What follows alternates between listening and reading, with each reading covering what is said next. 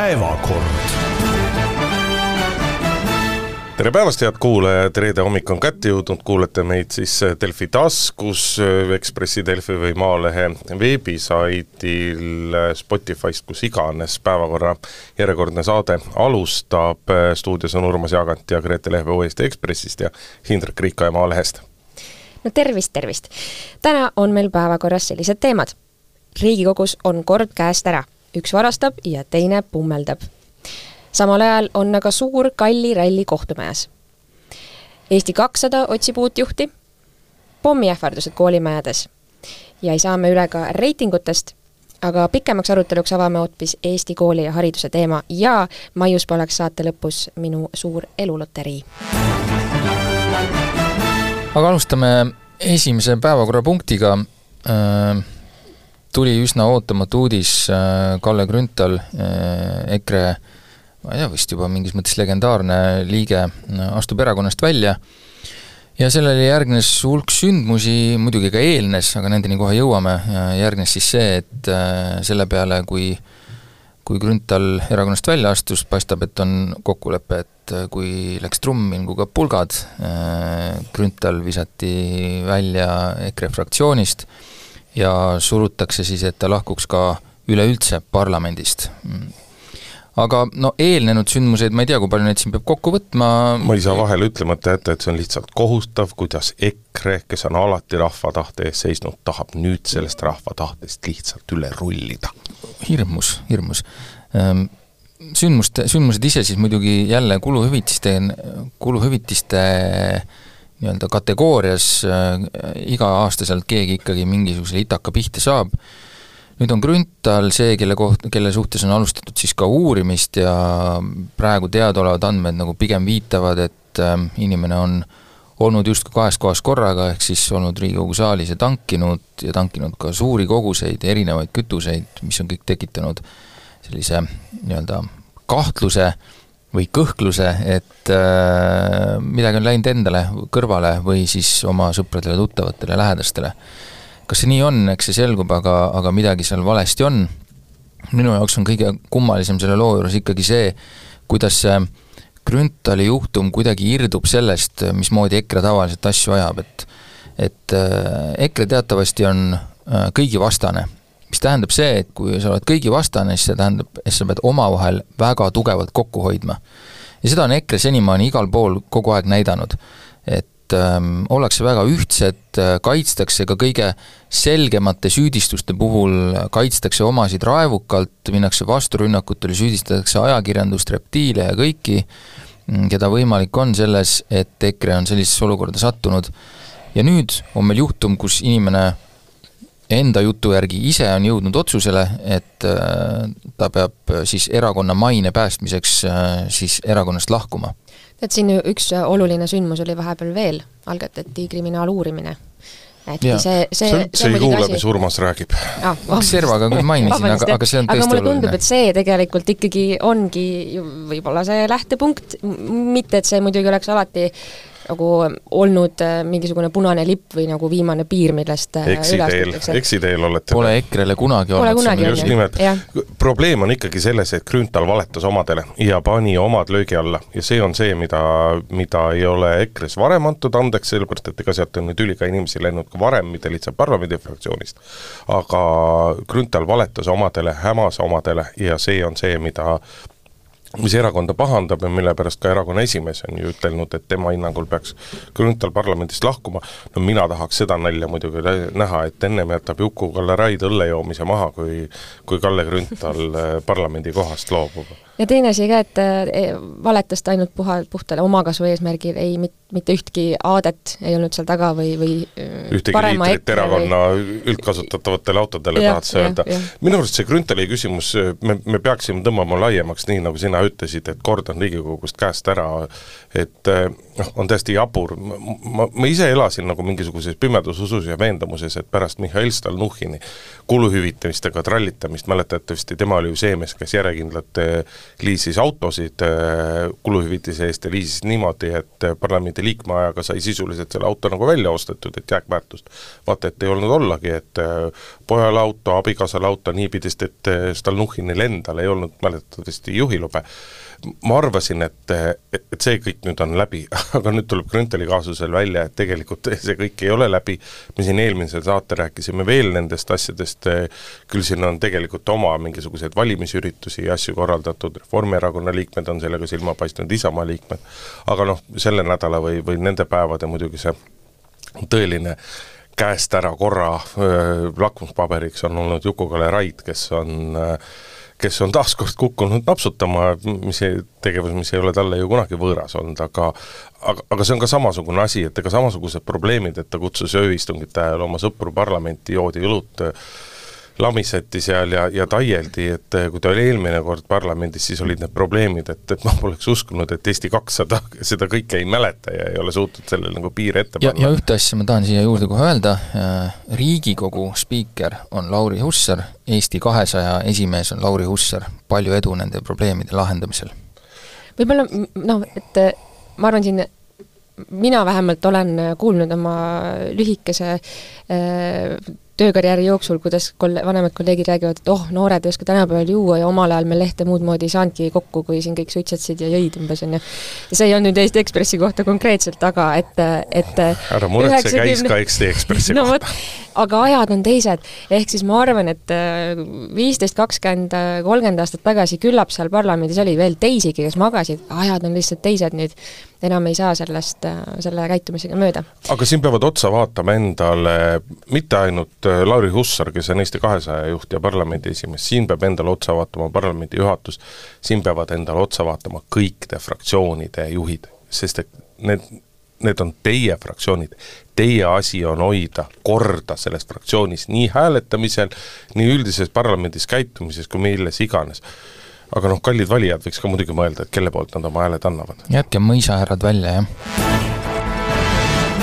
otsa endale vaatab ilmselt äh, Eesti prokuratuur ka sellel nädalal, Taavi Pern võib-olla eesotsas, ähm, sellepärast et ähm, Harju maakohus mõistis õigeks äh, kinnisvaraärimees Hillar Tederi, mõistis õigeks Keskerakonna ja Mihhail Korbi kunagise peasekretärina samas erakonnas. Ja otsus on siis see, et äh, ei, ei ole tõestatud, et Hillar Teder oleks annetust, annetanud Keskerakonnale vastutasuks selle eest, et ta sai siis Porto Franco arenduses äh, maatüki endale sobivamatel tingimustel. ja kohtunik Ähm, jah, nii, nii ta ütleski, et, et süü ei ole tõendatud ja kõik mehed on siis ähm, äh, vabad ja, ja praeguse seisuga peaks siis riik hüvitama ka umbes kakssada kuuskümmend tuhat eurot advokaadikulusid. prokuratuur muidugi kaeb selle asja edasi küsimus ei oleks ainult selles ühes asjas, et me ei tohi unustada, et see oli esimese astme otsus, mis Porto, Porto Franco osas langetati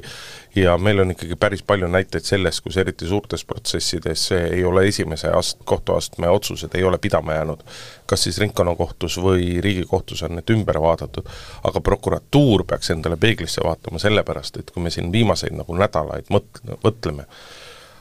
kohtunik Vavrenjuki kaasus kukkus kokku, kokku äh, Maaelu Edendamise Sihtasutuse äh, endiste juhatuse liikmete süüdistus saadeti kohtust tagasi, sellepärast et äh, kohus ütles sisuliselt prokuratuurile, et te olete kokku keeranud ühe pudru ja kapsad, millest ei ole absoluutselt Tallinna Sadamaga on päris, päris Tallinna hapusti. Sadamaga on ikkagi pehmelt öeldes hapu, kuidas prokuratuur ei soo-, ei suuda protsessi nii-öelda varustada prokuröridega ja ei suuda neile anda piisavalt aega, et prokurörid saaksid oma tööd teha. ehk neid näiteid tuleb kohtu, kohtupoolne ja, otsus, et prokurör peab kiiremini tegema. ja need näited tulevad suurtes asjades, et äh, mitte ühegi riigi peaprokuröri juhtimisel ei ole prokuratuuris asjad nagu niimoodi longanud ja ei ole no see on küll liialdus, mis asja, kuidas, ja... mitte ühegi riigi, mis asja siis? ei, ei, mitte ühegi äh, riigiprokuröri, varasema riigiprokuröri, no näita mulle mm., kus, millal oli see aeg, kus järjest prokuratuur sai nats, nats, nats, nats vastu näppe? küll ta sai no, Berlingu ajal. jah, et no me peame jah, ütleme, et need võivad, võib-olla me peame siin, ma ei tea, paari aasta pärast äh, seda arvamust selle koha pealt korrigeerima, on ju, et, et et äh, enam, osad asjad on läinud ka prokuratuurile soodsas suunas, aga aga üks nurk siin on, äh, kellel siin on veel endale otsa vaadata, on tegelikult ju see Keskerakond, et ärme unusta seda, et see juhtum, Porto Franco juhtum on ju see, millele järgnes Keskerakonna nii-öelda kukkumine valitsusest või peaministri erakonnana ja Reformierakond sai võimule tagasi, alguses koos Keskerakonnaga, pärast juba ilma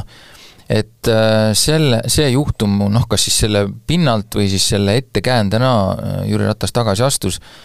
ja mm, mäletan neid tollaseid reaktsioone, kui inimestega rääkida, kus olid ikka sellised pilgud, et et äh, see, mida me praegu teame, siis selle pinnalt ikkagi meil on ikka veel hästi läinud, on ju, ja nüüd, nüüd need inimesed vaatavad, et et see seis on selline. Ja to-, ka tollal oli inimesi, kes Keskerakonna sees arvasid, et see ei ole hea mõte tagasi astuda, äh, ei peaks seda praegu tegema selliselt,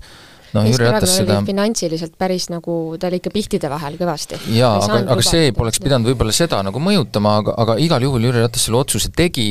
ja noh, nüüd on ta ka tagantjärgi intervjuudes öelnud, et noh, võib-olla nüüd paistab see asi teisiti, no see on minu arvates loomulik, aga aga lihtsalt miks ma seda räägin mm,, tasub nagu äh, tähele panna, kuidas mingitel sündmustel võivad olla väga nagu suured tagajärjed, ma ei tea, võib-olla tõesti, kui see juhtum jõuab Riigikohtusse ja saab sealt otsuse, mida ma arvan, et ta sinna ikkagi jõuab, emma-kumma poole nagu äh, toel, mm, siis võib-olla me peame ütlema, et ei, ikkagi Jüri Ratas tegi lõpuks õige otsuse, äh, aga, aga praegu paistab see asi küll halb ja erakonna sees kindlasti on inimesi, kes saavad nüüd näägutada, et ma ju ütlesin. sa kasutasid formulaari, et äh, Keskerakonna kukkumine valitsusest no tegelikult ei olnud ju tollel ajal kukkumine, Jüri Ratas otsis seda võimalust äh, sellest koalitsioonist välja tagurdada pikka aega ja, ja, ja see oli lihtsalt too, tollel hetkel, see oli hea ettekääne, see võimalus, võimaldas ära hoida ka mäletatavasti nii-öelda põhiseadusreferendumi samasooliste abielude osas ja, ja mis aga, kõik muu. aga Indrek, kas see, kas see annab nüüd Keskerakonnale uue tuule tiibadesse? kindlasti mitte, kindlasti mitte, sest et sellest on nii kaua aega möödas ja see võiks olla te-, teoreetiliselt nii, kui äh, Keskerakonna juhtkond oleks sama aga Keskerakond vahetas, vahetas juhte, vahetas esimeest, vahetas era-, nii-öelda suures koosseisus juhatust, aseesimehi ja, ja nendes persoonides on kinni see praegune reitingu kukkumine. minu jaoks oli see otsus ka üllatav, sellepärast et äh, me Ekspressis oleme iga istungit kajastanud, Tarmo Vahter on truilt käinud seal ja, ja üles kirjutanud tähelepanuväärsemaid episoode ja ikkagi noh, kapo ja ütleme, prokuratuur minu jaoks on teinud head tööd või vähemalt see paistis nii välja, et ma ei tea, kuulati peal on ju sul kohvikus, kuulati peal inimesi, kes jalutasid kuskil mererannas, et justkui see tõendite komplekt tundus väga tummine, aga ometi see ei olnud kohtule piisav. tegelikult teistpidi jällegi mm, me ju elame õigusriigis, on ju, et, et see oleks ka kummaline, ma ei tahaks niisugust riiki, kus prokuratuuril alati on õigus ja kohus seda kuidagi nagu vaidlustada ei saaks rääkisime pisut sellest, kuidas eh, parlamendi esimehel Lauri Hussaril on parlamendis kord täiesti käest ära. ja noh, nii see on, midagi ei ole teha, tema Riigikogu esimehena, ta ei ole suutnud selle poole aasta jooksul eh, tagada nii-öelda normaalset töörütmi parlamendis, ta ei ole suutnud seda korralikku parlamendi töövõimelisena hoida, aga sama suured, kui mitte suuremadki probleemid on tal ka erakonna juhtimisega, erakonna ohjamisega ja Eesti kahesajas endas käivad väga selged otsingud äh, uue esimehe järgi, sest saada, saadakse aru, et äh, Lauri Hussar on pehme, ta ei ole piisavalt konkreetne, ta ei suuda erinevaid inimesi ohjes hoida, väga suuresti oodatakse erakonnas praegu Kristina Kallase otsuse taga, kas ta on valmis uuesti hakkama erakonna esimeheks või mitte, aga see on ikkagi ainult aja küsimus, millal Eesti kakssada esimehe ära vahetab äh,, üks äh, nii-öelda suur küsimus selle ajastuse jaoks on erakonna sees äh, sellest, et kas oodata ära parlamendi juhatuse valimised ja teha nii-öelda vahetult ennem seda ära, need teadupoolest on äh, kevadel, aprillikuus, kui ma ei eksi, märtsi lõpp, aprill, millal saab, korra aastas valitakse parlamendi juhatus teadupoolest, või siis teha see juba selle aastanumbri sees ära ja leppida lihtsalt sellega, et Hussar siis parlamendi esimehena jätkab jah, eks see on nagu natuke kummaline ole, et äh, kõige tähtsam positsioon, mis erakonnas on äh,, erakond on enda kätte saanud, et seal siis ei oleks äh, enam esimees noh, aga noh, võib-olla see ei ole ka nagu suur takistus, selles mõttes see on võib-olla niisugune optiline nagu häda, sest et äh, eriti praeguses olukorras, kus parlament nagunii ei tööta tõenäoliselt normaalselt ka talvel. jah, no ta on, ta on optiline häda, aga, aga ütleme, Eesti kahesaja mured on nagu palju suuremad kui see, kas asi näeb natukene kummaline välja või mitte, et vaadates, kuhu erakonna reiting on jõudnud, on nüüd, nüüd viimasel ajal pidurdunud sinna kuue koma millegi protsendi juurde, mis mis on ikka ülihapu seis, et ja näha, mille pealt see peaks hakkama praegu ülespoole liikuma, mm, siis väga keeruline, eriti kui vaadata, millises millise nagu raketina kihutab äh, Isamaa praegu nende toetus, siis on ülespoole just igaks juhuks, sest Isamaal on olnud igasuguseid aegu. ülespoole kihutab siis Eesti kahesajal seal kõrval, no ma ei tea, millest mida neil on, mida, mida neil on seal päästa praeguse olukorraga, nad peavad midagi kardinaalselt muutma, siin on olnud ka näha mingisuguseid niisuguseid võbelusi teemadel, et kas, kas, kas peaksime ikkagi selle Reformierakonna seda nii-öelda maksuküüru kaotamist siis ikkagi no, toetama, äkki peaks seda ikkagi nagu hiljem tegema, minu arust kõlas see ETV Debati saates, kus seda ütles äh, Äh, kas Toomas Uibo vist on ta nimi, jah, äh, kes on fraktsiooni juht äh, nüüd natukene aega olnud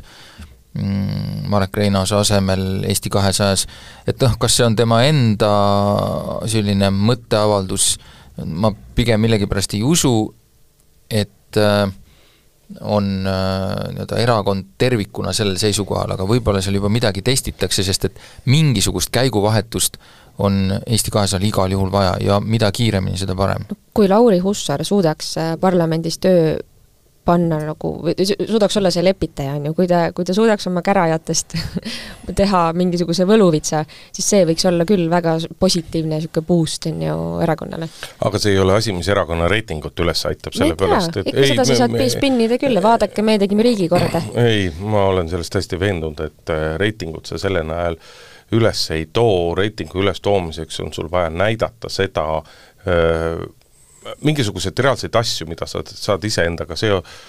siduda, aga Lauri Hussari üks suuremaid taaku on kohe, Urmas, üks suuremaid taaku on see, et ta ütles juba ennem valimisi, et kui te tahate, et Reformierakond pääseks valitsusse, et siis hääletage EKRE poolt, et meie teeme, te läheme koos Reformierakonnaga valitsusse ja siis saab Reformierakond teha teha kõiki neid häid asju, mida ta planeerib. No, me... ma utreerisin natuke ja kasutasin oma sõnastust. jah, no selles mõttes, kui sa ütled, et äh, peab midagi reaalset tegema, aga kui me läheme korra reitingute juurde ka, no mida siis Isamaa nii reaalselt teinud on? aga kui ma vaatan siit seda püstloodis äh, üles liikuvat joont, siis siis äh, väga keeruline öelda äh,, mida on tehtud opositsioonis saad sa alati rääkida, aga koalitsioonis oh, pead sa tegusid ka näitama. no okei okay,, meil on opositsioonis veel terve ports erakondi, Keskerakonna reiting äh, liigub alla, õnneks mitte, äh, nende jaoks õnneks mitte sellise nurgaga nagu Isamaa oma üles, ähm, noh, EKRE on, ütleme, trend on selline noh, pikemas vaates nagu tõusev, aga hetkel ta ei ole nagu seal tipukoha peal, kuigi, kuigi pigem ülespoole et no EKRE on ikkagi kõige, kõige nii-öelda kõige suurema toetusega erakond praegu sel hetkel. no vea piires, pinnapinn. ja kui me siis vaatame nüüd siia nüüd ärge olge nii tagasihoidlikud, ikkagi päris selgelt esimese koha peal praegu vaatame siia juurde siis ka koalitsiooni omad ära, siis Reformierakond liigub nüüd juba mõnda aega päris selges langustrendis, sotsid ütleme, pikemas vaates natukene üles, aga viimane jupp on nagu allapoole. Ja Eesti kahesajal on noh, selline äh, stabiliseerunud nüüd sinna kuue protsendi juurde, aga see kukkumine on olnud äh, järsk ja üsna pikaajaline pärast, äh, pärast koalitsiooni saamist. Parempoolsetel on veidi ülespoole hüpanud, aga aga oota nüüd nende reitingutega natuke, nendest räägime veel, mõni teema meil oli, oli vahel planeeritud. Mõne sõna räägime kohe reitingud ära, mis me siis no räägime, okei okay,, räägime siis kohe reitingud ära kas äh, Reformierakond peaks muretsema praegusel hetkel või ei peaks? ei peaks. No. ma arvan, et peaks. ma muidugi, see on, nüüd ma esitan jah, äh, tuntud hiti Reformierakonna enda kullafondist, aga kui tehakse raskeid ja valusaid otsuseid, siis reiting kukubki. jaa, no selles mõttes mis ei, ei, ei, aga ja, ei ole, aga no. ei ole tõsi, sest et meenuta nüüd, meenuta meie eelmist suurt majanduskriisi, kui Andrus Ansip oli äh, oli äh, peaminister äh, kaks tuhat seitse, kaheksa, üheksa, kui kärbiti, kas tehti tohutult ebapopulaarseid otsuseid, Reformierakonna toetus kasvas, ei ja, kahanenud, nii et ei ole sellepärast, et äh, taustsüsteemiks oli võtta Kreeka ja kõik muud, kes, äh, riigid, kes siplesid selle masu käes palju tohutumalt ja kus olid, töötus kasvas palju kiiremini ja palju õudsemalt, et no, Ansip sai, sai endale õlale patsutada ja öelda, et meil läks nagu suht hästi. no ma ütleks isegi niimoodi, et tegelikult ei pea nii kaugelt otsima, et Läti minu, oli ka minu, minu arust äh, ma mõtlen ajast nii ja kaugelt ei pea valiti tagasi. Äh, ajaliselt on ka nii, et äh, meil siin Reformierakond tegi, kui ta oma esimese nii-öelda, nii-öelda raskete otsuste paketi tegi, eks ole, need esimesed maksutõusud, no sellel, maksutõusuplaanid õigemini, siis sellel ei olnud äh, eriti, sellel oli mõju reitingutele, aga mitte nüüd väga, see tõusis nagu tagasi sinna noh, korraliku kahekümne, kolmekümne protsendi alla. ja nüüd on, nüüd on see uuesti languses, et mulle tundub, et mm, Reformierakond natukene nagu lõikab seda saba liiga mitmes jupis, kui, kui nad tahavad neid nii-öelda raskeid otsuseid teha ja mida, millega nad ei ole siiski hakkama saanud, on, on nende asjade äh, kuidagi paigutamisega sellisesse konteksti, kus inimesed neid mõistavad, jah, las ma eksin nüüd lõpuni. E, et äh, selles mõttes, kui sa, kui su küsimus oli, kas nad peaksid muretsema, siis äh, ütleme, reformierakondlased, äh, iga teine erakond selles olukorras ei, võib-olla ei peaks väga muretsema, ma arvan, et Reformierakond ju vaikselt juba peaks. sest et ma hetkel ei näe, mis tooks neid äh, sellest nagu olukorrast tagasi, mis paneks selle asja nagu teisi, teistpidi pöörduma. Mina võin, mina võin sulle rääkida, mis asi, et praegusel hetkel Reformierakonna reitingu kukkumise taga ei ole mitte rasked ja valusad otsuseid, vaid Reformierakonna reitingu kukkumise taga on praegusel hetkel Kaja Kallas. Ja kui nad Kaja Kallase välja vahetaksid esimehe ja, ja peaministri koha peal, siis on võimalik eh, nii-öelda see langus uuesti pöörata tõusule. et see tänane langus ei ole tingitud mitte keerulistest ja raskest otsus, rasketest otsustest, vaid ikkagi puhtalt personaaliast. mina ei tea, kas see Kaja Kallase see skandaal enam siin üldse mingit mõju avaldab, sellest pea praktiliselt keegi enam ei räägigi. ainult selles on muutunud selliseks kõlliks, mida sellest, kasutatakse taustal, äh, sisuliselt sellest räägivad inimesed oma, sellest räägivad inimesed omavahel ikka edasi et äh, see ei ole ajakirjanduses enam nii väga pildis, aga inimesed omavahel räägivad sellest ikka edasi ja ja, ja sellest ei ole nagu küll mitte kuidagi pääsu. aga Isamaa rakett, ütleme, kas ähm, läheb siin võimsalt, on ju, aga kas võib ta põrgata oma hoo peal eh, Saturni rõngaste pihta, milleks eh, saab olema kogu eelarve, ütleme kõik nüüd siis töö äh, parlamendis äh,, mida ma ei, ma ei olegi aru saanud, kas nad siis nüüd kavatsevad nagu obstruktsiooni teha või mitte mm,, ehk siis äh, kas nii ja naa no. minu arust on Isamaal on praegu see seis, kus kus nad väga palju tegema ei pea Äh, aga neil on äh, moodsas keeles nagu väga hea kuuseis, on ju. et äh, Urmas Reinsalu kindlasti mõjub usutavana selles vanas teemas, mida kõik võib-olla olid juba unustanud, et see seostub Isamaaga, on see majandus ja rahandus ja kogu see, see oli kunagi väga tugev Isamaa teema, mille selles nii-öelda perepoliitika hulluses jäi vahepeal täitsa tahaplaanile ja seda polnud nagu praktiliselt üldsegi näha. Nüüd, kui need teemad on uuesti püsti, siis mina arvan, et Isamaa äh, koos Urmas Reinsalu sellise jõulise stiiliga kindlasti mõjub päris usutava kriitikuna, mis puudutab seda eelarve rahandusprotsessi, et et äh, selles mõttes see, see ei ole kuhugi kadunud Isamaa küljest, mulle tundub, et see on puhtaks rapsitud, see Äh, selle val-, eelarve ja rahandusvaldkonna selline veidi kopitama läinud spetsialiteet ja sellega nad see, see on, ma arvan, Reinsalu poolt väga tark tegu. Ja sellega, ma usun, nad võivad purjetada päris hästi kõige selle taustal me tegelikult ei tohi ikkagi unustada seda, et, et see, mis praegu reitingute ümber käib, see on tegelikult närvide mäng. sest millal on siis reitingud tõeliselt olulised, nad on natukene olulised järgmise aasta kevadel, kui on Euroopa Parlamendi valimised, aga kuna seal on äh, osalusprotsent hästi madal, eeldatavasti niisugune kolmkümmend kolm, kolmkümmend viis protsenti, siis seal ei pääse see nii-öelda üldine sisepoliitikal põhinev nii-öelda reitingud ei pääse niimoodi jõu-, maksusele, hästi tähtsad on nimed, hästi tähtsad on esinumbrid, ja siis tegelikult kahe tuhande kahekümne viienda aasta sügisel, kui on järgmised kohalike omavalitsuste valimised. ehk tegelikult äh, peaaegu kaks aastat on seda, on seda aega küll neid reitinguid tõsta, küll neid reitinguid langetada, aga tegelikult noh,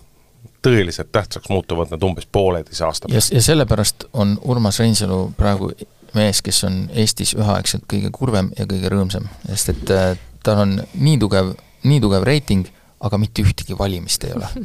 kas ma võin esitada ühe vandenõuteooria, mille ma praegu koha peal välja mõtlesin? no vandenõude teo-, muidugi jah, ikka muidugi, muidugi., ma tahtsin targutama hakata, aga las olla. Martin Helme andis Grünthalile sõbralikku nõu äh, lahkuda erakonnast ja fraktsioonist selleks, et EKRE muutuks parketikõlbulikumaks ja et, ähm, et ülejäänud opositsioon oleks nõus nendega äh, ühiselt palli mängima? Ma ei usu sellesse, sellepärast et äh, kui on hea asi, kui on mõtet sõdida, siis opositsioon on võimalik nii-öelda ühtseks löögirusikaks ikkagi muuta, aga sellest, kas opositsioon on ühtne löögirusikas või mitte,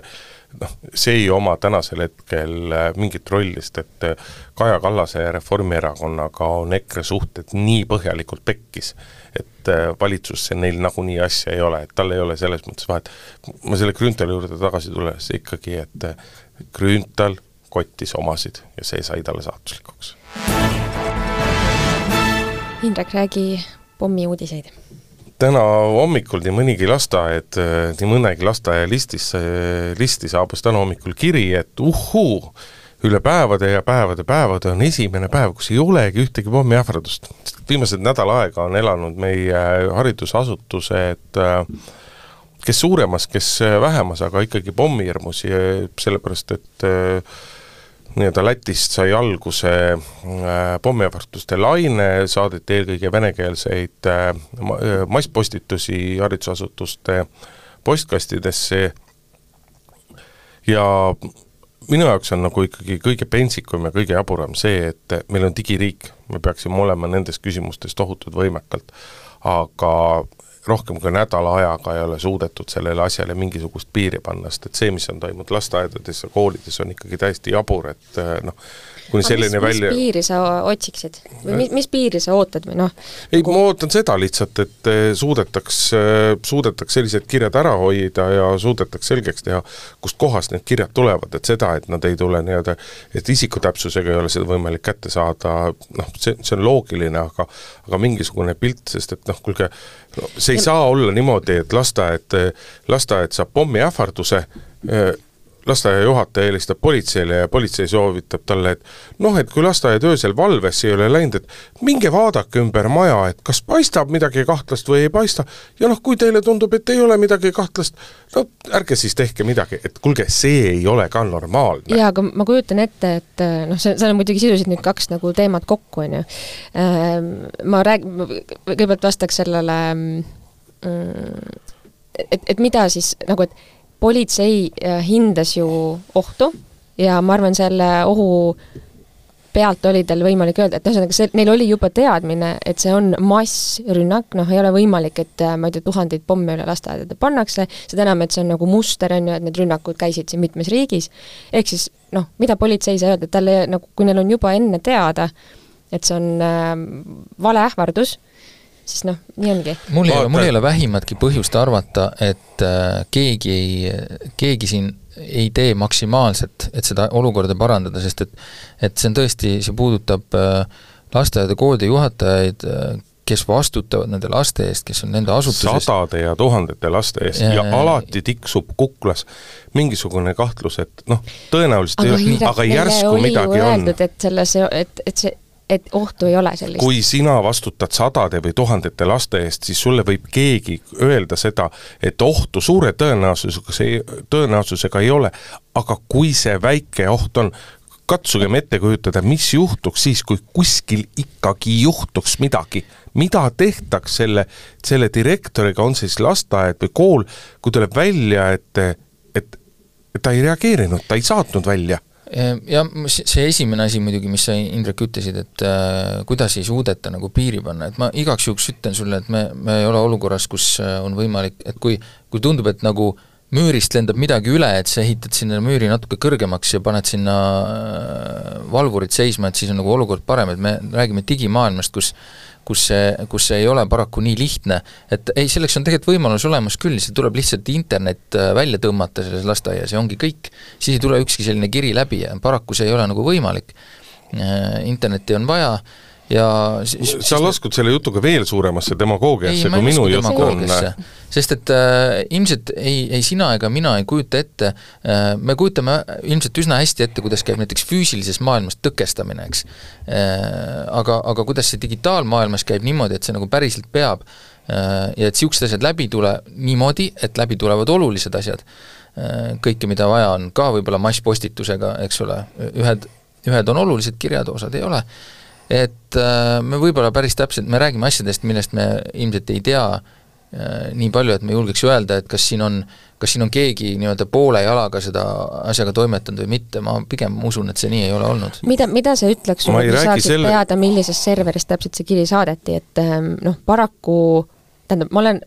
ma olen üsna veendunud, et seda tehakse ja ma loodan, et seda tehakse, et mis iganes kiri nüüd tuleb, et sellest antakse teada, on ju. ja ma olen täiesti ütles... kindel, et Riigi Infosüsteemi Amet on täiesti pilbasteks võtnud lahti selle kirjade metadata ja analüüsib neid ja, ja neil on nagu see, need mulle ei ütle see kõik mitte midagi, mina lihtsalt tahan seda, tahan lihtsalt seda, et riik peab riik peab suutma tagada oma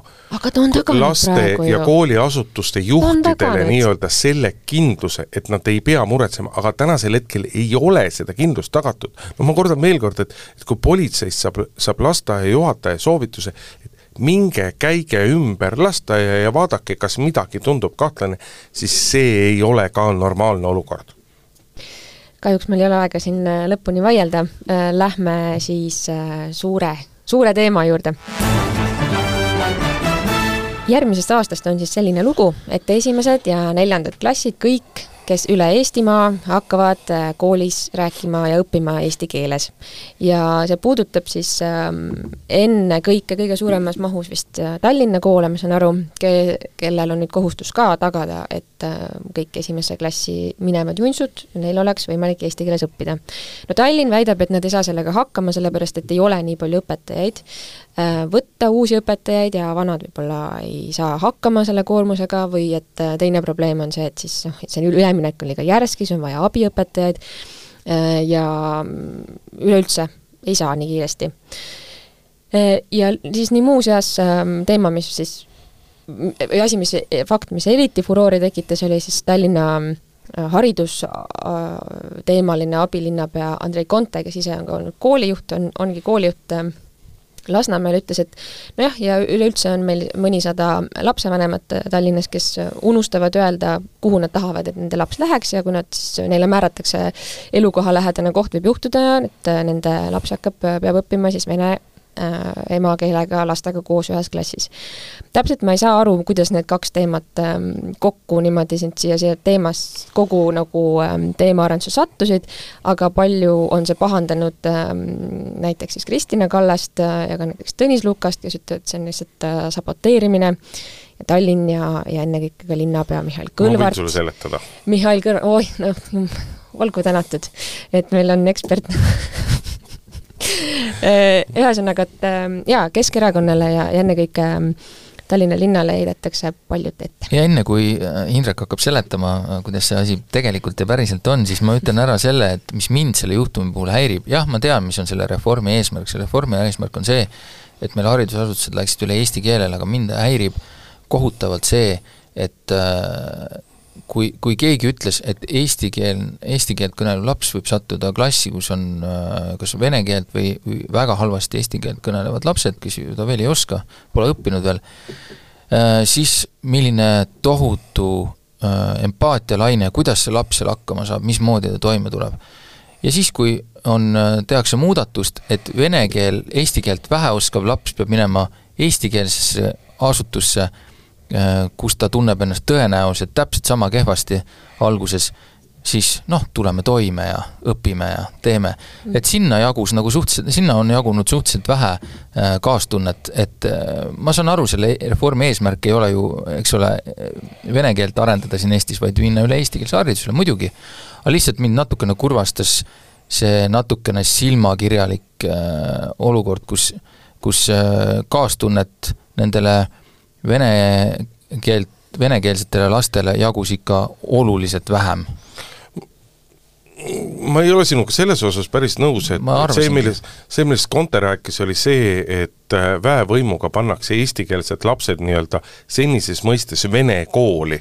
aga venekeelseid laps, venekeelseid lapsi ei panda väevõimuga senistesse eestikeelsetesse koolidesse, see on, ei, ei, ei, no ei panda. kui vene, vene perekond unustab oma lapsele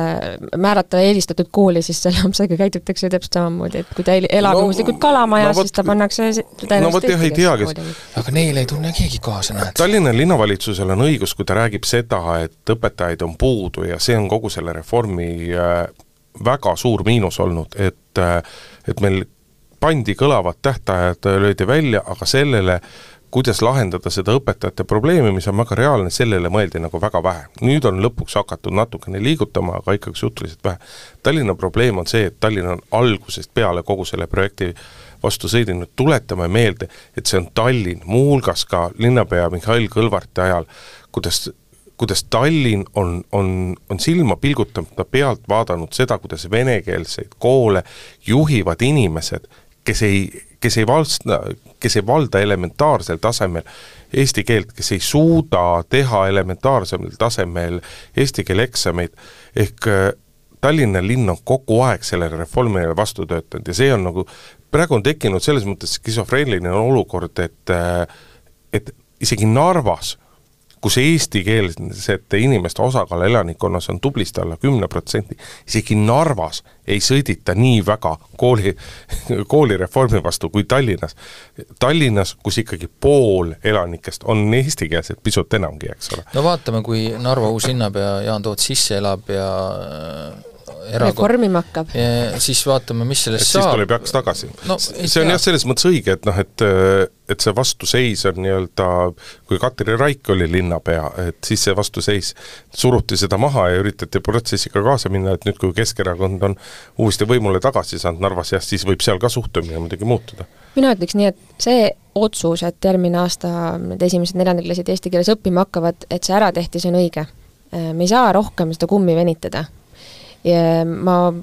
kuskil kolm-neli aastat tagasi mm, kajastasin ühte päris mahukat äh, raportit, kus vaadati ka äh, just nagu segregatsiooni probleeme läbi erinevate valdkondade ja see oli esimene kord, kus ma pidin ennast sisse lugema sellesse teemasse, sealhulgas ähm, äh, sellesse, mis saab nendest lastest, kes õpivad venekeelses koolis. ja neil on kehvem tulevik. nagu päriselt ka ongi ja seda on arvudes näha. ja, ja see, see ei muutu enne, kui need lapsed nui neljaks õpivad eesti keele ära, kui nad seda kodus ei õpi, nad peavad seda õppima koolis. ja kui meil on juba lasteaedades mingil määral on need keelekümblus nagu keskkonnad olemas, on ju, et seal nagu alg-, alusharid-, jah, kuidas siis öeldakse, alusharidusele, lasteaedades juba nagu see asi paraneb ja, ja vene lapsed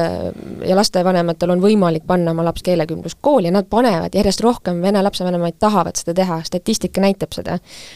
ja siis see laps peab minema pärast kooli, kus tal täiesti kärbub ära see oskus, on ju, see on ju selle lapse suhtes täiesti ebaõiglane. ja täiesti ebaõiglane on ka see, et poliitiliselt on kembeldud selle asja üle no.. me oleme nagu, me oleme kärpinud tiivad ära kümnetel tuhandetel Eesti noortel. ja selle, selle asja kurbloolisus ongi see, et nagu sellist reformi tõenäoliselt ei ole võimalik teha niimoodi, et sul ei ole vahepeal ütleme, sellist seltskonda, kes on nii-öelda üle, ülemineku, lõpetab, on ju. ülemine-, ükskõik, kas sa oleksid teinud selle viisteist aastat tagasi või praegu, igal juhul on seal, jääb üks, üks, üks seltskond äh, noori inimesi, kes on selles üleminekuperioodis ja neil on tõenäoliselt kõige raskem. Et, et see saab ka nii olema, ka see, seekord kindlasti nüüd, aga aga noh, kui see on paratamatu, siis noh, tõesti hea, et sellega nüüd nagu pihta hakatakse, ma olen kõige sellega nõus, et tõepoolest see see on nagu vajalik ja oluline ja sellega tuleb nagu edasi liikuda, et see, mis, mis selle mis see juhtum nüüd, mis tähelepanu tõmbas ja minu jaoks nagu see raevukas reaktsioon oli üsna üsna ehmatav tegelikult, see, ma ei tea, kas see kindlasti langeb sellesse mustrisse, mida Indrek siin kirjeldas, et tõesti, Tallinn on selle vastu sõdinud, aga ma ei ole kindel, et see oli konkreetselt nagu tahtlik praegu, et mulle vaadates, kui kiiresti hakkas Kante oma varem öeldud lauseid remontima, siis siis mulle näib, et see pigem ei olnud tahtlikult, vaid see kuidagi kukkus niimoodi välja aga, aga selge on see, et see langeb väga viljakale pinnasele selle koha pealt ja sealt on ka juba välja loetud üht-teist, et et tegelikult noh, kuni selleni välja, et see, see on katse siis häälestada selle reformi vastu eestikeelseid inimesi, eks ju, kes muidu oleks poolt, kes siis nüüd hakkavad vaatama mingist huvitavast perspektiivist seda, et et äh, äkki, äkki ikkagi ei peaks, äkki mu laps satub äh, venekeelsesse kooli. tahaks loota, et sul on õigus. Lähme edasi, selle nii-öelda keeleprobleemide kõrval on tegelikult äh, teine ja kohati veel akuutsemgi küsimus Eesti hariduses, see on nimelt õpetajate palga küsimus ja praegusel hetkel on on tegelikult nii-öelda õpetajate ametiühing on välja öelnud, et äh, ainus asi, mis suudaks õpetajate streigi veel sellel sügisel ära hoida, on kaheksaprotsendine palgatõus, mäletatavasti riigieelarve näeb ette oli see nüüd üks koma kuus või üks koma seitse protsenti palgatõusu õpetajatele, haridusminister Kristina Kallas on öelnud, et rohkem kuskilt võtta ei ole, protsessi töötülisse on sekkinud, sekkunud riiklik lepitaja, käivad kohtumised erinevate osapoolte vahel, aga praegusel hetkel paistab, et äh, õpetajad on tõepoolest vist valmis streikima. saab seda kuidagi ära hoida või mitte? Või kas, kas peab, õpetajad kas peab üldse ära hoidma või? kas peab jah ära hoidma või, aga võib ju ka küsida, et kas õpetajatel on õigus streikida, et kui te olete juba sellise missiooniga ameti valinud endale, siis, siis lapsed kannatage. ei tohi kannatada. Ehm, kas pea, äh, kas peab ära hoidma, valitsus kindlasti peaks, sest valitsuse asi on tagada ju tegelikult, et kõik oleksid rahul, on ju, see kindlasti äh, inimes-, igal pool tuleb teha kompromisse, on ju, aga siis see kompromiss peab olema selline, et äh, nii hästi selgitatud, et ka see teine pool saab aru, et tõesti, antud olukorras midagi paremini ei ole võimalik, äh, aga noh, meil sellel valitsusel on olnud päris palju selliseid nagu ütleme, seletamise probleeme, võib-olla kohati nagu niisugust empaatia probleemi, äh, see, et seda raha kuskilt nagu võtta ei, ei ole, seda ma täitsa usun, muidugi ei ole, igale poole mujale plaanitakse ka ja kui sa kuskilt võtad, siis, siis on keegi teine rahulolematu ja nii edasi, hoolimata sellest, et meil äh, tegelikult eelarve tulud ju kasvavad, kulud kasvavad paraku rohkem ja noh, prioriteedid on seatud natukene teised. Ja see, et õpetajad tunnevad, et nemad peaksid olema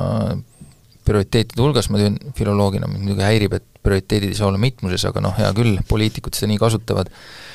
et äh, muidugi see neid häirib ja äh, noh, ma, ühesõnaga, ma, ma nüüd ei ole üle vaadanud, et mis, ega see, ma olen üsna kindel, et see üks koma mingi protsenti tõusu äh, ei täida seda lubadust, et me liigume õpetajate palkadega lähemale sellele saja kahekümnele protsendile keskmisest. et äh, seda ei suutnud, mäletate, kui oli üks väga rumal olukord, kus Jüri Ratas peaministrina oli andnud allkirja või mingi ühiskondliku kokkuleppe õpetajatega, et sinnapoole liigutakse ja siis tõmmati see rauh äh, kuskil mõisas eelarvet tehes nagu maha. kas see on teadlastega? või oli see teadlastega, ühesõnaga mingi sarnane olukord, kus oli nagu justkui lubatud, aga ei tulnud, et siin me liigume teadus, sa meenutad seda teadusrahastusele vähemasti ühte protsenti SKP-st? jah, õige, õige, see oli natuke teine asi, aga noh, see põhimõte on nagu sama, et et õpetajad kindlasti tunnevad, et neid on nagu alt veetud, kuna on midagi kokku lepitud ja mis selle juures halb, ongi see, et nagu selliste igasuguste pikemate kokkulepete mõte nagu pisut kaob ära alati on põhjus, jah, aga energiakriis, jah, aga sõda, jah, aga see, too ja kolmas, ja küll oleks hea valitseda, kui neid kriise ei oleks, jutumärgid kinni, Kaja Kallas. et, et selles mõttes me oleme noh, sellises olukorras, kus äh, järjest raskem on nagu erinevatel osapooltel oma seisukohti selgeks teha, et miks midagi kas tehakse või tegemata jäetakse ja selles mõttes ma ei tea, võib-olla see streik mingis mõttes oleks värskendav. Äh, streik oleks väga värskendav, streik oleks värskendav eelkõige selle tõttu, et mind ennast äh, võib öelda, et häirib ikkagi see, kui vähe on Eesti inimesed. ma just tahtsin öelda, et liiga vähe streiki me näeme, on ju. just, streiki, meeleavaldusi, väljaütlemisi, kunagi sa, Urmas, ütlesid nii ilusasti eh, siinsamas saates selle kohta, et eh, et kuidas inimesed neelavad kõik hinnatõusud alla ja keegi ei julge tunnistada, et neil raske on, et inimesed nagu auasi nagu kannatada. pelgavad tunnistada, et nad on nagu vaesed ja et neil on raske. et, et niimoodi on nagu kõigi asjadega, et on see siis kauplustes, kaupluste hindadega, riigiga suhtluses või kus iganes, hääletada peab julgema ja peab suutma ka jalgadega. ja, ja, ja, ja just nimelt noh, liiga vähe streigitakse, Eestis peaks rohkem streikima, Eestis peaks rohkem meelt avaldama, seda kõike loomulikult viisakalt, ilma labaseks minemata, vägivaldseks minemata või milleks iganes minemata, et noh, ei ole vaja meil mingisuguseid Pariisi tänavamässe või midagi muud. aga räägin... streiki ja meeleavaldusi võiks olla rohkem ja juba sellepärast, ja õpetajatel on ka väga selge küsimus, millele osad õpetajad on ju tähelepanu juhtinud, et õpetajad on nii mitu korda äh, ähvardanud streikida ja seda mitte teinud, et kui praegusel hetkel ka õpetajad ei saa, mida nad tahavad ja nad streikima ei hakka, noh, siis nad muudavad ennast hästi nii-öelda tõsiseltvõetavama, võetamatuks. Läks õige filoloog? tõsiseltvõetamatuteks, no ütleme niimoodi, vähe tõsiseltvõetavateks, jah, no eks, eks streigivõimekusega on meil ikkagi need grupid, kellel on mingi esindus, aga Eestis teatavasti äh, ametiühingu liikumisi selliseid asju, need on juba varakult äh, maha surutud ja neid nagu põhimõtteliselt meil väga ei ole. no sõltub valdkondades, haridustöötajate no, ametiühing mõnes, on ikkagi tegelikult päris tugev. ma ütlengi, need valdkonnad ongi võimelised nagu enda eest nagu kollektiivselt seisma ja ka mingeid streike korraldama, et äh, muud mitte, miks me nüüd mujal maailmas rohkem näeme, ongi see ametiühingute äh, oluliselt tugevam positsioon, me võime siin vaielda, kas see on Eestile kasuks tulnud või mitte, mõlema, mõlemas osas on argumente, aga ütleme, mingisugune väljendus, ütleme see, kui Isamaa, Isamaa poliitikud lükkavad Riigikogu ees ümber maksutõusu kaste, on natukene vähe selleks, et ikkagi valitsust panna mõtlema selles suunas, et äkki me ikkagi peame kuidagi suutma mingeid asju kokku leppida. kuulge, aga lõpetaks selle teema siis tõdemusega, et nõuame õpetajate streiki. Ei, ma ei nõua. ma ei, ma ei nõua, see peab olema nende enda otsus, et see võib olla nagu kaheti, et see võib olla sinu väga nagu eneseteadlikkust tõstev, aga teistpidi on see küsimus, et nagu me niigi rabame palju ja nüüd te tahate, et me tuleksime siia Tallinnasse kokku hoida, kust on ju Metskülas sõidaksime et parim tulemus oleks see, kui valitsus suudab selle streigi ära hoida nii, et õpetajad ja. on midagi saanud. jah, ja see tegelikult küsimus ju ei ole ainult palgarahas, me peame nüüd teema küll kokku tõmbama, aga, aga ma tahaks, et see jääks kõlama, et küsimus ei ole ainult selles palganumbris, mis langeb, jõuab õpetaja palgakontole, vaid küsimuses see, mida ta peab tegema praeguse palga eest. et äh, isegi kui pannakse nagu tuhat eurot otsa, siis see läbipõlemist äh, ei takista. et koolides on liiga vähe personale ja liiga suured klassid vähemalt osades koolides. ja, ja siin on paljud õpetajad maadlevad, on ju, piltlikult statistiliselt Ukrainale... on sulle jube lihtne muidugi vastu vaielda sellele väitele no jah, jah, jah, et aga, aga et ühesõnaga, kuulake õpetajaid äh, mitte ainult Exceli tabeli piirides, vaid, vaid seal on palju suuremad mured. aga kas nüüd teeme väikse eluloterii? teeme ikka, sina pead meile ju olema ette valmistanud, mis, kus ja kuidas. nii, jaa, valmistasin ette seekord ka valisin natuke vähem teemasid, valisin kümme teemat välja, mis võib-olla meie saatesse muidu ei jõuaks, aga ma arvan, on olulised, sellepärast et äh, ajakirjandus on seda kajastanud ja inimesed meedia on kajastanud siiski ajakirjandusväljaannetest võtsin. Äh, ja, ja äh, see käib siis nii, et äh, olen need kümme asja pannud siia loosirattale ja Indrek sai eelmine kord vajutada, siis seekord saab Urmas vajutada loosirattale ja tuleb üks teema ja siis selle kohta on mul küsimus, võid siia vajutada.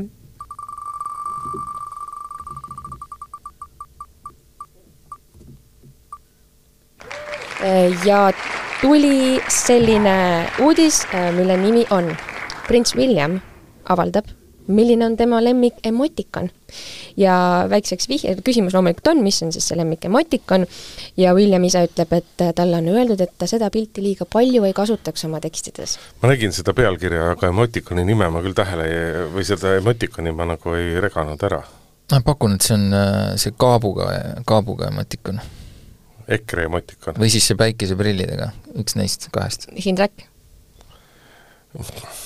no ma ei tea, no see tavaline naerul nägu, ega ma ei oska midagi muud pakkuda, ega ma ei teagi väga palju. hea muid, jah. ei, tegelikult tean ikka, pöial üles on ja siis see suunurgad alla ja on ikka olemas. ma kahjuks ei saanud siit uudisest teada, miks ta seda kasutab, aga õige vastus ma mõtlesin, et sa ei saanud uudisest teada, milline see emotikon on. Äh, sain teada, see on äh, baklažaani emotikon. Aga miks ta seda nii armas. Äh, baklažaani emotikon on, baklažaan tead, milline välja näeb? no tean mm, -hmm. nii, nii.. No, ja sellel on mingi nägu pähe tehtud? ei, ei, see ongi nagu baklažaani pilt, aga noh, seda kasutatakse ju selleks, et äh, mitte saata mingit elundipilti. siis saadetakse baklažaani pilt mis ta teeb. okei okay., ma poleks selle peale kohe tulnudki. ja, ja ma ei tea, miks ta miks küll, miks jah, prints William nagu tahab sellist emotikoni kasutada ja tahab nagu ma ei ma oska arvan, et talle lihtsalt maitsevad köögiviljad. ma arvan ka, et ta on äh, vege, vegetoit. kas te tahate plusspunkti ka teada ta vist saada? vegetoit ei ole, kuigi ega see baklažaani valik muidugi mõistlik ei ole nii või naa, jah. kas te tahate plusspunkti teenida või vähemalt ühte punkti, kui te arvate ära tema abikaasa Keiti lemmikemotikoni? Banaani emotikon. ma eeldan, et see on olemas. klassikalisem, minge klassikalisemat teed. no siis äh, no ikkagi see naerunägu, noh. piinlikkuse nägu, kui William saadab talle neid äh, baklažani pilte Äh, süda, süda on Keiti ja tegelikult äh, pool punkti Hindrekule saame anda, teine, mis on Keiti lemmik, on see naerunägu, mis ka nutab veel samal ajal, et ta nagu hüsteeriliselt naerab oh, okay. vot selliste teadmistega, väga olulistega täna lõpetame, võib-olla mõnes viktoriinis on need kasulikud teile, olge siis ähm, võtke siis heaks. aga Päevakorra saade tõmbab otsad kokku, järgmine nädal oleme jälle eetris, kuulake meid Delfi taskust igalt poolt podcastist ja otsige meid ka Twitterist üles. aitäh! päevakord